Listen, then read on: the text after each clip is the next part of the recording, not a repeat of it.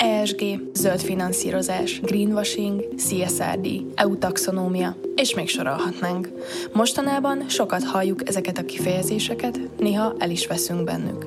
Ha érdekel, hogy pontosan mit jelentenek és hogyan kapcsolódnak a fenntartató vállalati működéshez, hallgass az ESG Cornert.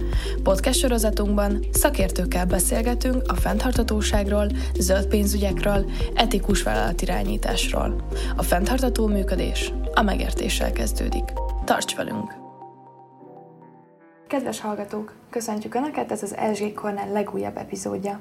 Mai meghívott vendégünk dr. Szuromi Kovács Ágnes, a Családbarát Magyarország Központ ügyvezetője. Ágnes karrierje során tapasztalatot szerzett a magánszektorban, bankoknál dolgozott és több vállalatban volt igazgatósági tag. 2013-ban jelent meg Mindennapi Köteltáncosok címmel egy interjú kötete, amelyben hat édesanyja meséli el, hogy a családi feladatok mellett hogyan tudtak megfelelni a hivatásuk elvárásainak.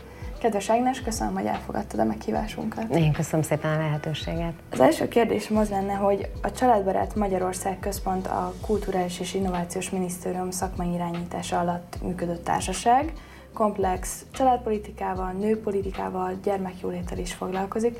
Milyen pontos feladatokat lát el a társaság? Tulajdonképpen a feladatainknak a száma az igen-igen jelentős. Úgy foglalhatnám össze a Családbarát Magyarország Központ tevékenységét, hogy onnantól kezdve, hogy elgondoljuk, hogy szeretnénk gyermeket, egészen odáig, hogy az idős családtagjaink mellett állunk, a Családbarát Magyarország Központ minden egyes lépésnél a családok mellett áll. A családtervezésnél segítünk abban, hogy pénzügyileg is tudjunk tervezni. Ugye van egy nagyon sok színes információkkal bíró család.hu weboldalunk. Ezen a család.hu weboldalon igazából Folyamatosan próbálunk szakértői tartalmakkal segíteni azoknak, akik már nevelnek gyermeket, és azoknak is, akik még csak ezt tervezgetik. Az a célunk az oldallal, hogy tulajdonképpen érdekesen, informatívan és mégis közérthetően számoljon be minden családokat érintő kérdésről, tehát tényleg a családtámogatásokkal kezdve a gyermeknevelésen át, akár most például az egyik olyan cikk, amire nagyon büszkék vagyunk, az idős beteg családtagjaink gondozásáról szólt. Tehát akkor itt van a család tervezésnek a legelső fázisa, amikor még csak gondolkodunk, akkor a családtámogatási kalkulátorunkkal tudnak a fiatalok tervezgetni és számolgatni, de akkor is, hogyha már van egy-két gyermekük, akkor is tudják használni ezt a kalkulátort, illetve ott van a családbarát ügyfélpontunk, ami konkrét, személyre szabott információkkal tudja segíteni, akár azokat, akik levélben fordulnak hozzájuk, vagy akár azokat, akik pedig egy online videós tanácsadásra jelentkeznek be. Tehát itt már tényleg konkrét kérdéseket lehet feltenni az egyén egyéni élethelyzethez kapcsolódóan, hogyha valakinek a vágyott gyermekei nem jönnek, vagy pedig társadalmi felelősségvállalás miatt szeretne örökbe fogadni egy gyermeket, akkor az örökbefogadással kapcsolatban is nagyon sok információval állunk rendelkezésre, azoknak is, akik az örökbefogadásban úgy érintettek, hogy ők szeretnének örökbefogadni, vagy már esetleg örökbefogadtak, őket is kell bátorítani ezen az úton. Vannak ott is nehézségek, de azokat is, akik szakemberként ezeket az örökbefogadó szülőket támogatják, nekik pedig képzéseket adunk, módszertant, kutatással segítjük ezt a területet, úgyhogy itt is sok mindent teszünk. Az egyik legfontosabb területünk, és ez négy gyermekes édesanyaként nekem is egy napi feladat, hogy ebben valahogy működjek, a munka és a magánélet összeegyeztetése. Itt nagyon sok programunk van, amire hát én nagyon-nagyon büszke vagyok. A Családbarát Helyvéd egy programunk, az 2019 óta működik, erről szerintem fogunk majd még beszélgetni. Itt nagyon nagy eredményeink vannak, család.hu per védjegy oldalon lehet erről mindenfélét olvasni. A bölcsödéket, ugye az intézményrendszer rendelkezésre állása is fontos a munka és a magánélet összeegyeztethetősége szempontjából, és a bölcsödei fejlesztéseket támogatjuk szakmai oldalról, ez is egy fontos feladatunk. Van egy saját munkahelyi mint a bölcsödénk, hogyha valaki munkahelyi bölcsödét szeretne létrehozni, eljöhet hozzánk tanulmányútra, megnézheti azt, hogy hogy működünk, és egyébként pedig 14 kisgyermek mindennapjait mi támogatjuk, illetve az ő családjuknak a munkáját támogatjuk azzal, hogy nálunk lehetnek a kisgyermekek. És hát nemrég indítottunk magunk is egy podcast műsort, decemberben volt az első adás Nagykálózi Eszterrel, az a címe, hogy Egyensúlyban, és itt is ezeket a kérdéseket próbáljuk körbejárni. És akkor zárva a sort, nagyon fontos számunkra a kora gyermekkori fejlesztés területe, hiszen van olyan, hogy egy kisgyermek nem úgy fejlődik, mint az átlag, vagy ahogy éppen annak az életszakasznak megfelelő lenne, és ilyenkor mind a szülőket nagyon sokszor kell támogatni, ezt is megtesszük, a Gyermekút projektünk által megtettük, és ilyen munkát fogunk végezni a jövőben is, illetve a szakembereket, akik az ilyen családokat, gyermekeket, szülőket támogatják, őket is rengeteg módon segítettük, tehát arról egy külön podcast műsort lehetne indítani, hogy ott milyen szakmai munkát végeztünk. A kamasz gyerekeket pályaorientációs programmal segítjük, az őket támogató pedagógusokat családi életre nevelés, továbbképzéssel, van egy pénzügyi tudatosság képzésünk kifejezetten a kamaszoknak, ez nagyon-nagyon fontosnak tartom, és minden eddiginél nagyobb is erre az érdeklődés, hiszen én úgy gondolom, hogy a pénzügyi tudatosság mindig fontos, én mindig ezt fogom mondani, de van, amikor fontosabbnak érezzük, tehát mindenki fontosabbnak érzi. A 2008-as válság alatt is drasztikusan megnőtt azoknak a száma, akik családi költségvetést alkottak, addig nem csinálták, és utána megtették, és azt gondolom, hogy most pedig például a tudatos vásárlás, a fenntarthatóság felé, a pénzügyi fenntarthatóság felé nagy az érdeklődés. Az idős családtagok gondozásáról már beszéltem, rengeteg tartalommal próbálunk a család.hu felületünkön ezen a téren is rendelkezésre állni, illetve ne felejtsük el, hogy sajnos nem minden családban működnek úgy a dolgok, ahogy kellene, sőt, van olyan, hogy éppen egy családtag válik bántalmazóvá, tehát nem oltalmat ad az a család, hanem bántást, és a kapcsolati erőszak áldozatainak is mindig a rendelkezésre állunk, illetve az emberkereskedelem áldozatainak, mert hogy mi működtetjük az országos kríziskezelő és információs telefonszolgálatot a nap 24 órájában az év minden egyes napján. Köszönöm ezt a tág választ. Két fő témát gondoltam ma, amiről beszélni fogunk. Az első a nők helyzete a munkaerőpiacon lenne, a második pedig ez a családbarát helyvédi egy tanúsítvány. Kezdjük a nők helyzetével. Ugye a Családbarát Magyarország Központ hatásvizsgálatokat, adatgyűjtést, elemző, stratégiai és döntés előkészítő munkákat is végez nagyon sok területen, mint ahogy az előbb elmesélted. A nők munkaerőpiaca helyzetéről is készítetek kutatásokat? Így van, éppen most folyik egy kutatásunk pont a nők munkaerőpiaci helyzetéről, illetve hogy hogyan változott az utóbbi időben a rugalmas foglalkoztatás Magyarországon. Erről még nem tudok beszámolni, mivel itt az adatfelvételi fázisban járunk, de ez egy olyan kutatás, amit nagyon-nagyon várok én is, hogy megkapjuk az eredményeket. Más kutatásokra hivatkozva, meg hát általános adatokra hivatkozva tudjuk azt elmondani, hogy hazán országban örvendetesen a nők foglalkoztatása egyébként stabilan nőtt. Tehát 60% körüli szinten jár. Ez azért nem teljesen lineáris a növekedés, mert a Covid időszakait jelentett egy visszaesést. Tehát, hogy azt lehetett látni, hogy ugye a Covid időszakban én is, mint minden más édesanyja, ugye fokozottan érintve voltunk azzal, hogy bezártak az iskolák. A nőknek nagyon komolyan helyt kellett állni ebben az időszakban. Ez a foglalkoztatási adatokban is meglátszódott, tehát a nők foglalkoztatása kicsit jobban visszaesett, mint a férfiaké. Azóta ez kikorrigálódott és egyébként az OECD átlagnál a nők foglalkoztatásában jobbak vagyunk. Tehát ez egy nagyon jó eredmény. Van egy úgynevezett foglalkoztatási szakadék, ugye ezt szokták néha felmlegetni kritikaként, de ez a foglalkoztatási szakadék egyetem nem nagyobb az OECD átlagnál, illetve ez nem változott, Pontosan azért, mert hogy amúgy a férfiaknak és a nőknek egyaránt nőtt Magyarországon a foglalkoztatása. Nem nőtt a nőké nagyobb arányban, mint a férfiaké, de ugyanolyan arányban nőtt is az utóbbi években.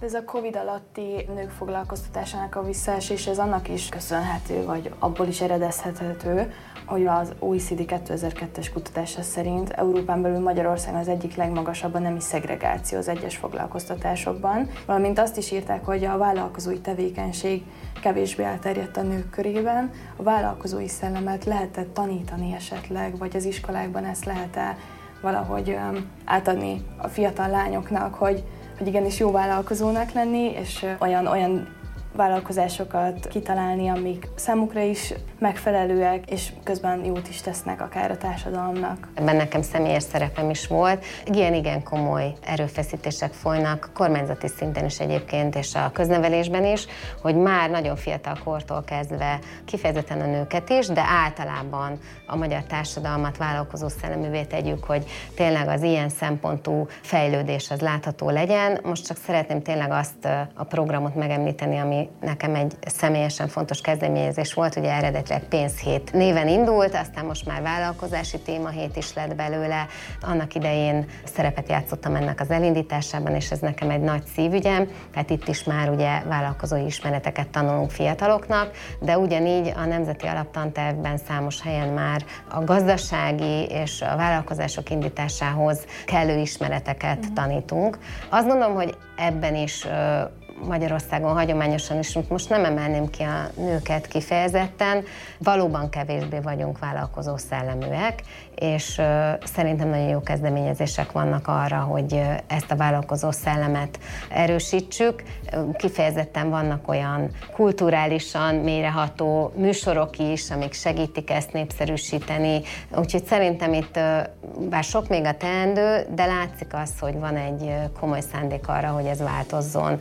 Én itt nem gondolnám, hogy lehet, hogy a nőkben kevesebb a vállalkozó szellem bizonyos szempontok szerint, más szempontok szerint meg egyébként van egy csomó olyan női vállalkozó, akiket nem szoktunk ünnepelni, mert mondjuk nem egy, most, most szándékosan mondok olyat, ami nem magyar vállalkozás, hanem egy Teslát indítottak el, de mondjuk nagyon-nagyon sok női kisvállalkozó van, akik nagyon ügyesek. És hogyha most csak azt nézzük, hogy vállalkozás, akkor azt nem a kicsit is meg kell becsülni, tehát hogy nagyon sok női egyéni vállalkozó van, úgyhogy ez, ez azért azt gondolom, hogy egy pozitív tendencia, bár valóban még erősítésre szorul, de vannak itt nagyon jó kezdeményezések. Ha már itt szóba jött a diverzitás, most a mérnököket vettük -e példának, de ugye az ESG, ha már ESG Corner a podcastunk neve, ugye, hogy nem pénzügyi riportokban is mérik ugye az S lábat, de itt kb. két-három olyan ö, indikátor van, ami a nőket vizsgálja, úgymond. Az egyik ilyen a nők aránya a, a cégen belül, és a nők aránya a vezetőségben. Mi az, amit még érdemes lehetne mérni? Vagy van-e esetleg olyan indikátor, amit, amit érdemes lenne egy ilyen vizsgálatba bevonni? Igazából én uh, itt csak a saját gyakorlatunkra tudnék hivatkozni, és akkor itt hadd csatolják rá a védjegy programunkra. Uh-huh. Mert tulajdonképpen a családbarát hely tanúsítvány az nem mást jelent, mint azt, hogy tulajdonképpen egy auditált folyamat segítségével tanúsítjuk azt, hogy mennyire családbarát módon működnek a cégek. Hasonlót vizsgálunk, mint amiről most beszéltünk, tehát az egyik legfontosabb az az, hogy mennyire állnak rugalmasan a munkavállalóikhoz. És itt szeretném kihangsúlyozni azt, hogy itt is van azért egy szemléletformáló feladat, hogy tudatossá váljon az, mint hogy a jogoknál tudjuk, hogy a jogok az egyben kötelességeket is keletkeztetnek, ugyanígy a munkavállalók oldalán is kell egy felelősségteljes magatartásnak kialakulni ahhoz, hogy jól tudjon működni egy ilyen rugalmasság. Tehát ha például engem munkavállalóként természetes, hogy persze előtte szólok, de elengednek délután a szülői értekezletre egy órával, két órával korábban, akkor a másik oldalon meg számomra lesz természetes, hogyha aznapra be kellett volna valamit fejezni, de azt azért nem tudtam megtenni, mert két órával korábban eljöttem, akkor ha otthon leszek és lesz rá lehetőségem, akkor viszont befejezem, hiszen abban meg én segítem ki a munkáltatómat. Tehát ez egy ilyen kölcsönös alkalmazkodás kell, hogy legyen. Egyébként nekünk vannak tréningeink mind a két fél számára, tehát mind a munkáltatókat próbáljuk segíteni abban, hogy hogyan lehet családbarát módon működni, de a munkavállalók számára is vannak ilyen képzéseink, és azt gondoljuk, hogy ezek nagyon hasznosak. Tehát az első, amit vizsgálunk, az a rugalmasság, aztán vizsgáljuk azt, hogy milyen juttatásokat ad egy munkáltató a munkavállalóinak, megvizsgáljuk azt is, hogy a munkáltató a munkavállaló családjának milyen juttatást ad, akár szolgáltatások, akár anyagi anyagi juttatások formájában a különböző rendezvényeket nézzük, hogy családi rendezvényeket vagy egyéb rendezvényeket mit ajánl Mikulás nap, családi nap, karácsony, stb. És utoljára pedig, de egyébként ez a legelső lépés, az egész családbarát szemléletet, tehát az elkötelezettséget nézzük, hogy csinálnak -e erre egy külön programot, hogy számba veszik-e ezeket a lépéseket, hogy tényleg egy ilyen struktúrában tekintenek erre a családbarátságra. Mi lefordítottuk a családbarát intézkedéseket egy ilyen mutatóra, egy mindennek, tehát rengeteg kérdést teszünk fel az előszűrő kérdőívekbe, mindenhez adunk egy pontszámot, és nem azt mondjuk, hogy már pedig akkor kaphatja csak meg valaki a családbarát hely tanúsító védjegyét, ha X feltételt teljesítés, az egy must have, hanem azt mondjuk, hogy itt van a teljes paletta, mindenfélét lehet teljesíteni, de abból neked 30%-ot teljesítened kell. Ha ezt teljesíted, akkor megkaphatod a védjegy tanúsítványt, ha nem, akkor nem. Tehát így igen, ez a két mutató, amit mondtál, az nagyon leegyszerűsíti a kérdést. Én szerintem még mindenképpen a munkavállalók és a kisgyermekes munkavállalók, illetve a női munkavállalók felé tanúsított rugalmasságot lehetne mérni, ahogy mi is ezt megtesszük. Én mindig arra vágytam, amikor én magam döntöttem arról, hogy legyenek egy gyermekeim, és ugye nekem négyszer is döntöttem erről, hogy minél nagyobb szabadságom legyen azt meghatározni, hogy én mikor mehetek vissza dolgozni. Én még, még előtte sem feltétlenül tudtam. Tehát, hogyha most csak a negyedik gyerekemet vesszük, ahol én úgy éreztem akkor, hogy szégyentelenül korán mentem vissza dolgozni, mert csak 8 hónapos volt, és ezt én magam nagyon korainak éreztem, de jött egy olyan lehetőség, amire egyszerűen akkor nem tudtam nemet mondani. Nem tudtam előre, amikor megszültem a gyerekemet sem, hogy 8 hónapos korában vissza fogok menni dolgozni. És az volt a nagyon jó, és akkor egyébként már létezett egy extra, és ennek köszönhetően tudtam visszamenni relatíve hamar hogy az a nagyon jó, hogyha az ember dönthet. És én azt gondolom, hogy az a legjobb társadalmi rendszer, ahol a felnőtteket felnőttnek tekintjük, és nem próbáljuk meg nekik előre megszabni azt, hogy nekik pontosan mit kell, milyen helyzetbe cselekedniük, mint egy mechanikus gépezetbe dobunk át meg B-t, és kijön belőle C, hiszen itt emberekről van szó, és emberi sorsokról, hanem abban segítjük a leginkább a családokat, hogy ők mindent átgondolva számukra abban a helyzetben lehető legjobb döntést hozzák meg, és egyébként utána rugalmasan változtatni tudjanak. Tehát Magyarországon, hála Istennek, nagyon széles körű ilyen szempontból a családok választási lehetősége. Hosszú ideig lehet szabadságon valaki, hogyha szült gyermeket, de nem kötelező neki, hogy hosszú ideig legyen szabadságon. Korlátlanul a szülési szabadságot ugye meg lehet utána ezt a hosszú szabadságot meg lehet osztani az anya és az apa között, is, hogy egy ideig az édesanyja van otthon a gyermekkel, utána pedig az édesapa. Ezt nagyon ritkán mondjuk el, hogy erre nagyon kevés helyen van lehetőség. És az is nagyon jó, hogy egy extra egy olyan lehetőséget ad, hogyha valaki azt mondja, hogy jó, én még szeretném igénybe venni a gyedet, de vissza szeretnék menni azért valamennyire dolgozni, akkor arra is lehetőséget ad. Amit én még egy fejlődési lehetőségnek érzek az egész társadalom előtt, az az, hogy hogyan tekintünk a részmunkaidőre. Egyébként pont ilyen OECD kutatások, meg egyéb sokszor nyugatról jövő irányelvek mondják azt, és ezeknek van létjogosultságuk, hogy a részmunkaidő az nagyon károsan hat, hogyha hosszú ideig tart a nők karrierjére, hiszen akkor ezáltal nem fognak tudni ugyanolyan előremenetelt felmutatni, mint a férfiak. Adott esetben, aki részmunkaidőn van, annak megkérdőjeleződik a munkai elkötelezettsége, és hasonló dolgokat hallunk. Míg én egy másik oldalát szeretném a részmunkaidőnek felvillantani, aminek magam is a kedvezményezetje voltam, azzal, hogy a GEDEXTRA lehetővé teszi azt, hogy akár kettő, három, négy órában is, és akár távoli munkavégzéssel munkát tudjunk végezni, fizetett munkát, egyedülálló lehetőségünk nyílik arra, hogy fenntartsuk a kapcsolatot a munkaerőpiacsal akár a saját meglévő munkáltatónkkal, akár keressünk magunknak új lehetőségeket. És ez egy olyan dolog egyébként, ami egy férfinak nem, nem áll a rendelkezésére.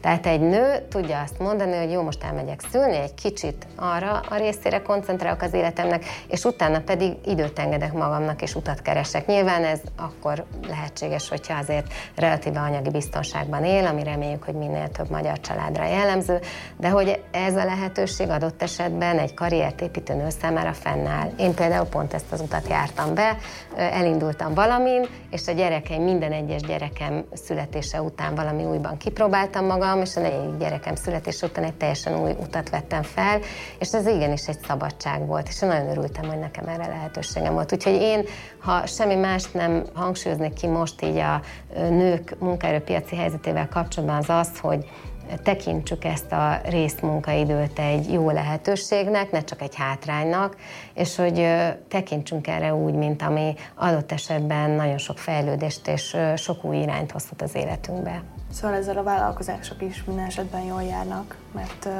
ott tudják tartani azokat a nőket, akik nagyon nagy tapasztalattal rendelkeznek mondjuk a saját területükön. Hát Elmennek sőt. egy picit szülni, de nem kell adott esetben egy új embert úgymond felvenni, hanem meg tudja tartani a munkaerőt, és nem megy el akár fél év azzal, hogy betanítson valakit. Ez szóval ez pontosan így, a... így van, igen. Nyilván megvannak a korlátai annak, tehát nem mindent lehet napi két órában meg otthonról végezni, de mondjuk én nekem konkrétan volt olyan eset az életemben, amikor vezetőként úgy tudtam megnyerni egy női munkavállalót magamnak, és úgy tudtam elcsábítani az adott pozíciójából, hogy felvázoltam neki, hogy amiben most dolgozol, abban a munkádban sajnos semmilyen rugalmasság nincs abban, hogyha gyermeket születik, akkor mikor és hogyan tudsz visszatérni, mert ez tényleg egy kötött olyan típusú pozíció volt, amiben jelen kellett lenni. Viszont ha eljössz te hozzám dolgozni, akkor én rád bízom azt, hogy miután megszületett a gyermeked, előre meg se kell mondja, csak valami nagyjáboli becslést, hogy mégis hogy számíthatunk rád, milyen mértékben, hogyan fogsz visszakapcsolódni a munkavilágába, és ezt együtt fogjuk megtervezni és megbeszélni. És ez konkrétan nekem azt eredményezte, hogy egy nagyon-nagyon jó munkaerőt sikerült megnyernem. Úgyhogy igen, ez a vállalkozások oldalán is egy lehetőség. A családbarát helyvédre egy programra visszatérnék, mert már beszéltünk róla picit. Azt már elmondtad, hogy milyen indikátorokat vizsgáltok. Ha jól tudom, két évre szól egy ilyen védjegy, ezt akkor két évente a vállalatoknak meg kell újítani. Van. Így van. Mielőtt belemegyünk a részletekbe, a család.hu per védjegy oldalon amúgy minden részlet megvan, úgyhogy ha valakit esetleg érdekel és felkelti az érdeklődését, én biztatom arra, hogy a család.hu per védjegy oldalt azt tanulmányozza.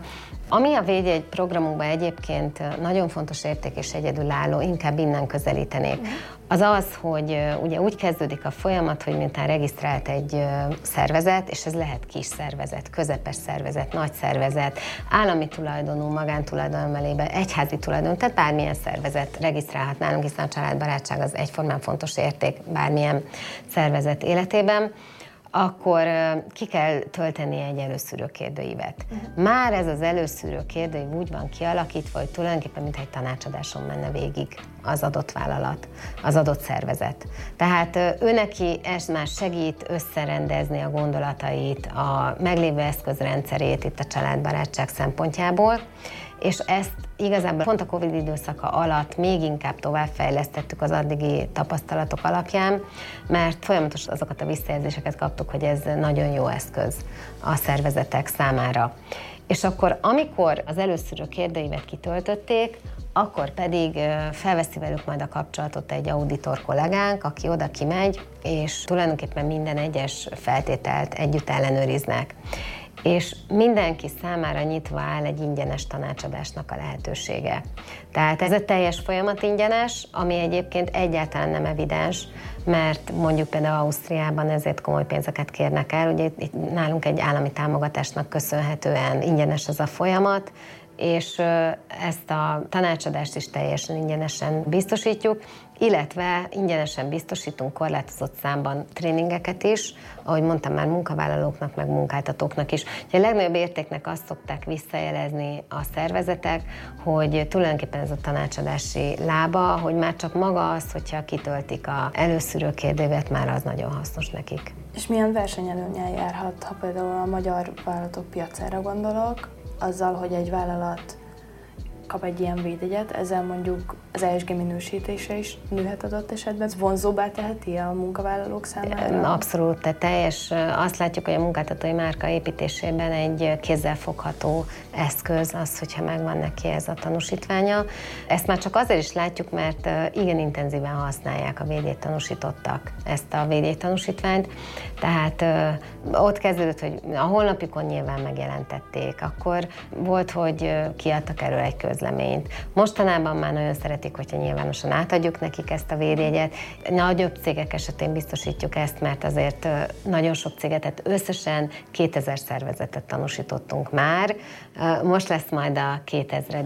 tanúsítványnak az ünnepélyes átadása Hornung Ágnes államtitkár asszony segítségével. Nem mondom el, hogy ki a 2000. jogosult, ez majd maradjon utána hír, és nagyjából egy kicsit több szolgáltatóhely kapta meg a tanúsítványt, egy kicsit kevesebb munkahely, de nagyjából egyenlő arányban, mert hogy ugye munkahelyként és szolgáltatóhelyként is lehet pályázni erre a tanúsítványra. Van, aki már az e-mail aláírásába is berakja a tanúsítványt. Hogyha küld a külső partnereknek egy levelet, akkor ott van a levél legalján, hogy mint egy HCCP tanúsítvány, hogy ők a családbarát munkahely tanúsítványán rendelkező szervezet, úgyhogy azt látjuk, hogy nagyon nagy értéke van a munkaerőpiacon annak, hogy valaki ilyen módon működik. Most egyelőre ugye azért folyik a harc a munkavállalókért, ez most már egy jó pár éve így van, és nem tudjuk, hogy ez a tendencia meddig tart, de még nem látszik ez megtörni, tehát hogy most a munkavállalók oldalán nagyobb az érdekérvényesítési lehetőség, és ezért a munkáltatóknak minden ilyen nagyon segít, amivel tudják bizonyítani a munkavállalók felé, hogy ők azért ebben például nagyon jók. Uh-huh. Ugye beszéltünk erre a négy fő kritériumról, de lenne egy ilyen kérdésem, hogy milyen jó gyakorlatot láttál adott esetben, ami eltér uh-huh. mondjuk a megszokottól, mondjuk ahogy említetted a bölcsödét, ami szerintem nagyon, nagyon nagy segítséget tud nyújtani kisgyermekes édesanyáknak, hogy hogyha bármi probléma van, akkor nem fél órát, órát kell a dugóban elmenni a gyermekének, hanem... Vagy le lehet szaladni szoptatni. Ha mondjuk Igen. még egy egyéves gyermeket szoptatunk, egyébként jellemzően a magyar bölcsödében lévő gyermekek nagy többség egyébként két éven feletti, de azért, hogyha mégis úgy döntünk, hogy egy egyéves gyereket és még szoptatjuk, akkor leszaladhatunk hozzá a bölcsödében. Milyen más egyéb jó gyakorlat van, ami segítheti a család és a munka összehangolását?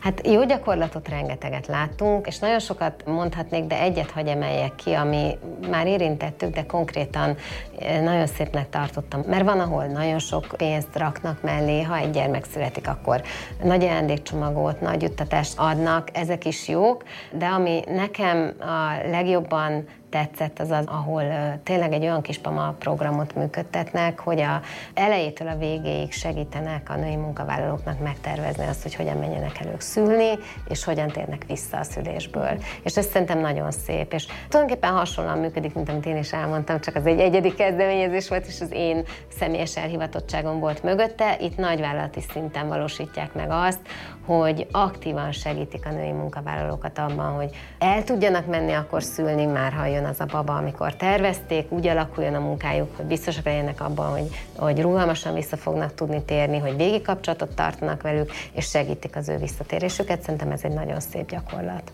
Beszéltünk arról is, hogy megosztható az a hosszabb szabadság Igen. az anyák és apák között. A családbarát munkahelyeknél van esetleg ilyen, vagy ez, ez követelménye, vagy beleszámít a négy fő kritériumba, hogy legyen olyan program adott esetben, ami az apák szülési szabadságát, vagy az apák hosszabb szabadságát támogatja? Ahogy mondtam, semmi nem kötelező nálunk, hanem a teljes képet nézzük, és igen, figyelembe veszünk minden ilyen intézkedést. Tehát minden ilyen intézkedés az egy plusz elismerés, és az egy lehetőség, hogy a cég javítsa a saját pontszámait. Úgyhogy igen, egyébként látunk erre is jó gyakorlatokat, hogy a szokásosnál nagyobb szabadságot biztosítanak az édesapának ott a szülés környékén. Nekem még közben egy olyan dolog is felmerült, hogy Ugye megírtad ezt a, a könyvet 2013-ban, ezt az interjú kötetet. Ez már egy tíz éves könyv, igen. Igen, és hogy, hogy abból mi volt talán a legnagyobb tanulság, igen. vagy hogy ezekből a podcastekből mit vársz, hogy uh-huh. mit fogsz belőle nyerni, vagy ilyen személyes történetek kapcsán te is tudsz-e még, még a továbbiakban is inspirálódni? Az Egyensúlyban podcast sorozatunkat tulajdonképpen pontosan azért indítottuk, hogy ezzel is bátorítsuk a nőket arra, hogy merjék felvállalni azt, hogy ők adott esetben a hivatásukban is el szeretnének érni valamit, Valljuk be őszintén azért vannak nehéz pillanatok akkor, amikor az ember zsonglőrködik a családja és a hivatása között, és ezekben a nehezebb pillanatokban is szeretnénk erőt, bátorítást, pozitív példát adni. A podcast sorozatnak az a célja, hogy legyenek ilyen pozitív példák előttünk. Azt gondolom, hogy mindig lehet tanulni azokból, akik ezeket a helyzeteket példamutatóan kezelték.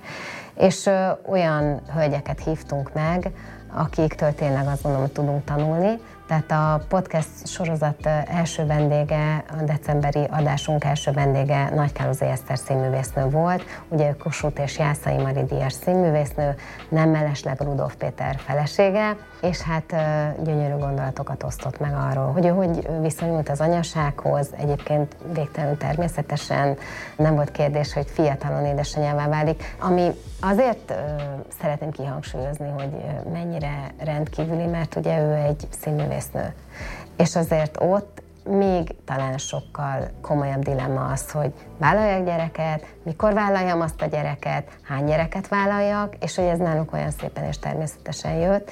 És ugye neki a második férje Rudolf Péter, tehát az első gyermeke nem Rudolf Pétertől született, és aztán amikor Rudolf Pétert megismerte, akkor ugye teljes természetességgel jött az, hogy vállaltak még gyerekeket, és hogy egy igen-igen hogy mondjam, kívülről nézve nehéz helyzetben nevelték a gyerekeket, de hogy nekik persze sűrű volt, tehát azt az Eszter is mondta, hogy megterhelő volt bizonyos szempontból, de hogy most meg még hiányzik is neki ez a fajta megterhelés, tehát az ember beleszokik ezekbe a feladatokba, és hogy például ez nagyon szép tanulság volt az Esztertől, hogy hát persze ilyen nappal pörgött, de hogy nem élte meg ezt úgy, hogy ez borzasztó volt, sőt, hát gyönyörű volt. Szóval, hogy Eszter annyira természetesen vette azt, hogy neki gyermekei vannak, és hogy milyen fantasztikus élmény volt az, hogy ő azokat a gyermekeket nevelheti, és mondta, hogy nem érezte sose úgy, hogy ez őt gátolta volna a pályáján. Pedig hát hány színésznőtől hallottuk, hogy így érezték. És nem gondolom, hogy bárki azt mondhatná, hogy a Nagy Kálózi Eszter pályája nem volt példamutató. Tehát nem gondolom, hogy azt mondhatjuk, hogy nagy, nagy hiányérzeteink vannak, hogy fú, még ezt meg azt igazán elérhette volna. Lehet, hogy nem is tudjuk, hogy vannak gyerekei. Tehát, hogy nem, nem látszódott rajta a pályája közben. Úgyhogy szerintem ő ilyen szempontból nagyon példamutató. A második adásunknak a vendége az Tapó Borbála, akit most nagyon nehezen tudok bemutatni, mert hogy fél oldalon keresztül mondhatnám, hogy ő mi mindent is csinált az életében. Ugye volt londoni nagykövet, de hát nagyon komoly vezetői pozíciói voltak, leginkább az Ernst Youngnál, a HBLF-nek volt elnöke és most tiszteletbeli elnöke, ő volt London első magyar női díszpolgára, és akkor most itt tényleg megállok, mert különben még itt nagyon hosszasan fogunk az érdemeiről beszélni, de hát ő is elsősorban édesanyja volt. És hogy tényleg nagyon érdekes volt hallgatni, ahogy mondta, hogy, hogy mennyire természetes volt számára az anyaság, amellett, hogy csinálta azt, ami a hivatása. És azt gondolom, hogy azt fogjuk tudni nyerni ebből a podcast sorozatból, mi nők, akik hallgatjuk, és akik tanulunk ezektől a hölgyektől, hogy megfigyelhetjük majd a titkaikat. Tehát tényleg engem 2013-ban, amikor az, ezt a könyvet publikáltam, a mindennapi kötéltáncosokat, ami elindított engem azon az úton, hogy ezt kutassam, a saját belső nagy kíváncsiságom volt az, ami hajtott. Tehát én szerettem volna megtudni, hogy hogyan csinálják azok az édesanyák, akik láthatóan jól csinálják, és azért lett ebből egy interjúkötet, és most azért lett ebből egy podcast sorozat, mert úgy gondolom, hogy nem csak engem érdekel ez a téma, és igen nagy egyébként az érdeklődés, és ezt látjuk, és hogy tényleg hagyd tanuljunk tőlük. Feltennék három kérdést, még itt zárásként. Mikor találkoztál az ESG-vel adott esetben, mikor döntöttél úgy, hogy, hogy ezt a területet szeretnéd kutatni, a nők helyzetét, vagy akár a családbarát programokkal foglalkozni, és segíteni a vállalatokat azzal, hogy hogy, hogy minél reziliensebben tudjanak működni. Ez egy érdekes dolog, mert én már annak idején az OTDK dolgozatomat és egy nők és férfiak összehasonlító dolgozatáról írtam, az egyiket, mert sok OTDK dolgozatot írtam, de konkrétan azzal még úgy országos sikereket is értem el, tehát hogy engem már egyetemista koromban is érdekelt a nők helyzete, a nők munkaerőpiaci helyzete, a nők és a férfiak közötti különbségek, hogy ez miben nyilvánul meg, mik ennek az előnyei. Tehát engem mindig érdekelt ez a téma.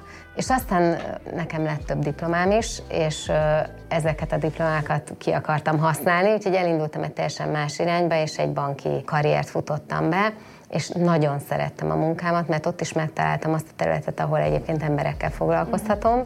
Én kapcsolattartás területén építettem a karrieremet, és itt ezen a területen lettem igazgató is, igazgatósági tag, és mindig azt gondoltam, hogy én annyira szívesen csinálom ezt, de hogy milyen jó lenne, hogyha ez a sok munka, amit én egyébként élvezettel végzek, nem egy multinacionális banknak a profitját növelni, hanem valami társadalmi jónak a szolgálatába állhatna.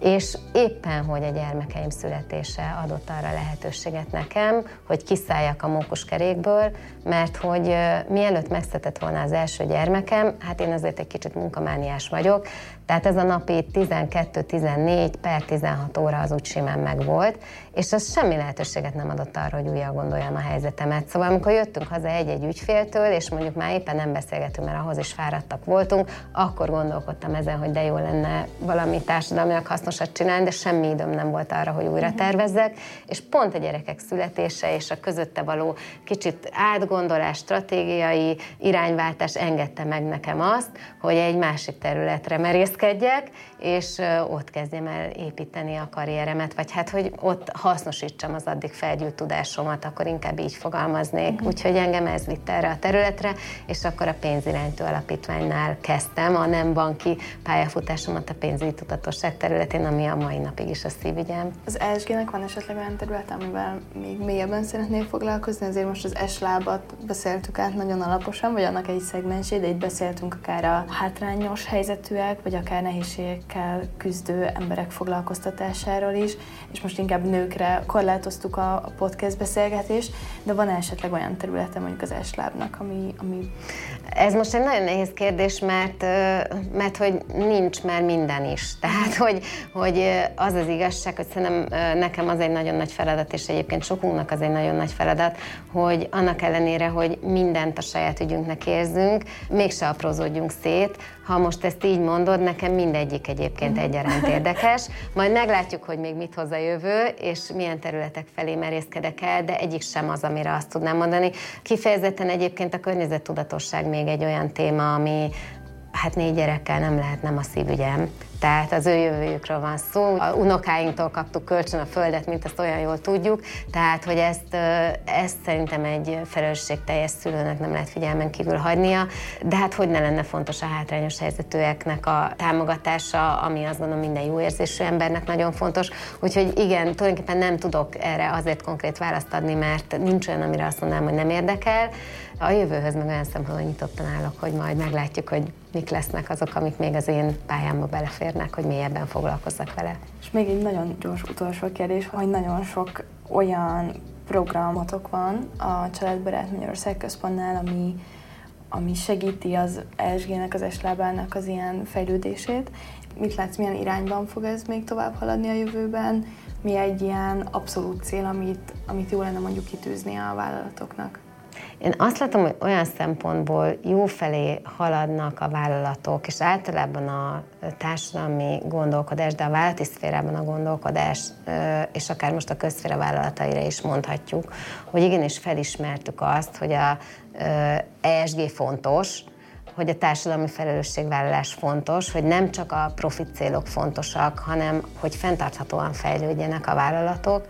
Ami szerintem még kívánatos, és aminek én nagy szerepét látom, az az, hogy egyértelműbbek legyenek az, hogy mik a jó célok. Uh-huh. És ebben szerintem még sok kutatás is szükséges. A mindennapi üzleti döntéseinkben, tehát vezetőként azért sok üzleti döntést hozok, számtalanszor szembesülök azzal, hogy valami környezettudatosnak látszik, de egyáltalán nem egyértelmű, hogy tényleg az-e, vagy csak a percepciója az.